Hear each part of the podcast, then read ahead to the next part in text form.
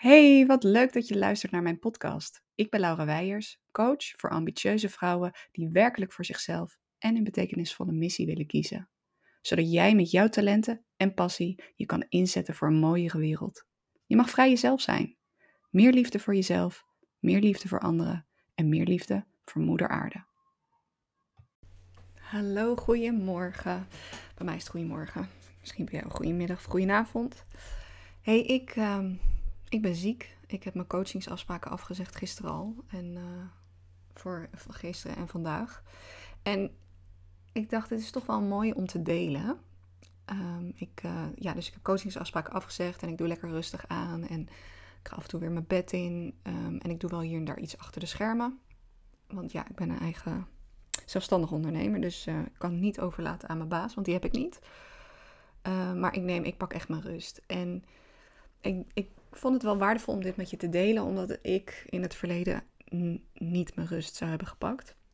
Um, en veel van mijn klanten zijn ook niet types die uh, daar goed in zijn. En wellicht jij ook niet. Dus ik dacht, uh, ja, het lijkt me fijn om hier even een korte podcast over op te nemen. En dan ga ik zo weer even rusten. Dus, uh, nou, even kijken, wat was het ook alweer? Ik denk drie of vier jaar geleden toen uh, was ik ziek.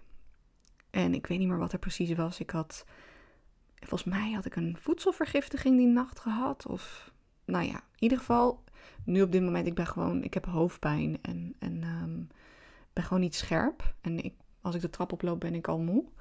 Um, dus dat is nu aan de hand. De laatste keer trouwens dat ik ziek was, was in maart. We leven nu eind september. Toen was ik echt, had ik wel griep. Toen was, was ik net uit loondienst. Maar dus drie, vier, drie of vier jaar geleden had ik dus iets van een, ja, iets in ieder geval echt niet goed. en ik had de volgende morgen had ik een coachingsgesprek. En die, die cliënt, ja, ik had echt zoiets van, oh, maar ze heeft me nodig. En ze, ze, um, volgens mij hadden we al een afspraak verzet. Ik weet even niet meer waarom waardoor dat kwam. Dat, of dat kwam vanuit haar of vanuit mij. Maar in ieder geval, ik had echt zoiets van: nee, maar dit is echt nodig. En um, ja, ik kan toch niet afzeggen, want uh, ze zit op me te wachten. Um, en ja, dat waren volgens mij een beetje mijn gedachten. Wat valt je op aan die gedachten? Ik kan toch niet afzeggen. Ze heeft me nodig. De vorige keer heb ik, is het ook al verzet. Dit kan niet nog een keer. Wat valt je op aan die gedachten? Het zijn gedachten die heel erg over de ander gaan en, en invullen. invullen voor de ander. Ze heeft, ze heeft me nu echt nodig. Ik kan, ik, ik, kan toch haar niet laten um, zitten. Uh, dus dat gaat heel erg over je bezighouden met de ander. In plaats van, ik voel me niet goed, mijn lichaam geeft aan dat ik rust nodig heb. Ik dien naar mijn lichaam te luisteren. Um, ik, kan, ik, ik dien eerst goed voor mezelf te zorgen en dan kan ik goed voor de ander zorgen. Um, dus dat is echt een groot verschil. Het gericht zijn op de ander en ik kan het toch niet maken in plaats van hè, het bij jezelf houden. Wat heb jij nodig? En je kan er pas echt goed zijn voor een ander als jij eerst goed voor jezelf bent. Nou ja, ik, uh, ik had dus niet die, uh, laatste gedachten, maar die eerste gedachten van ik moet, uh, ik moet dit moet doorgaan en het is belangrijk en kan er niet laten wachten. niet nog een keer. Nou ja, ik ben die sessie ingegaan. En het is niet dat ik niet kan coachen, denk ik, als ik ziek ben. Want op zich, ik heb de hele sessie redelijk volgehouden. Maar er echt goed voor de ander zijn. Nee, ik merkte ook wel dat ik af en toe even.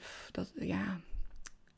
Als ik iemand coach, dan ben ik heel goed met mezelf in verbinding. En dan kan ik heel goed luisteren. Kan ik heel goed verbanden leggen. Dan, dan connect ik met mijn intuïtie. En dan komen de juiste vragen omhoog. Of de juiste oefeningen.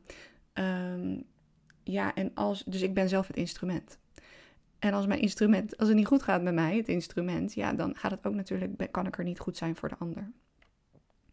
En dat was ook te merken. Volgens mij zei mijn cliënt toen ook zoiets van dat ze wel iets merkte aan die sessie. Dat. En toen zei ik ja, en, en, ik, en ik had er niks over gezegd. Ik had niet gezegd dat ik me slecht voelde. Dus dat is ook, ja, achteraf. Oh.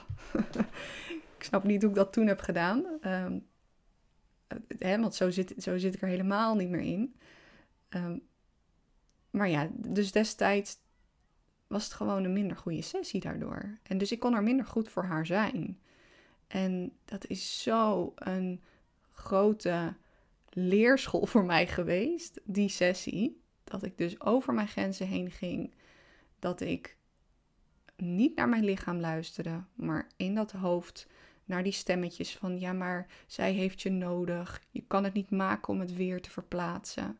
Al dat soort stemmetjes heb ik naar geluisterd. En het, was, het resultaat was gewoon niet goed. En ik was daarna eh, extra moe natuurlijk. En extra, voelde me extra slecht. Want dat is gewoon een aanslag op je lichaam. Je lichaam is zo bezig met um, ja, helen. En dan gaat al die energie die daar naartoe zou moeten gaan, die gaat dan naar iemand anders. Terwijl je dat eigenlijk niet op dat moment hebt. Dus dat was een belangrijke les voor mij geweest. Dus gisterochtend ik werd wakker en ik dacht: nee, ik voel me gewoon. Ik heb hoofdpijn. Ik voel me een beetje duizelig.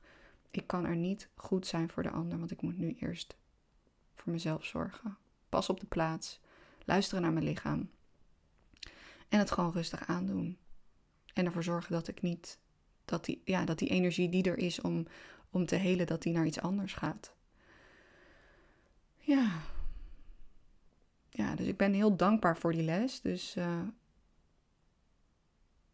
ja, het is zo goed dat ik dus, hè, ik bedoel trial and error.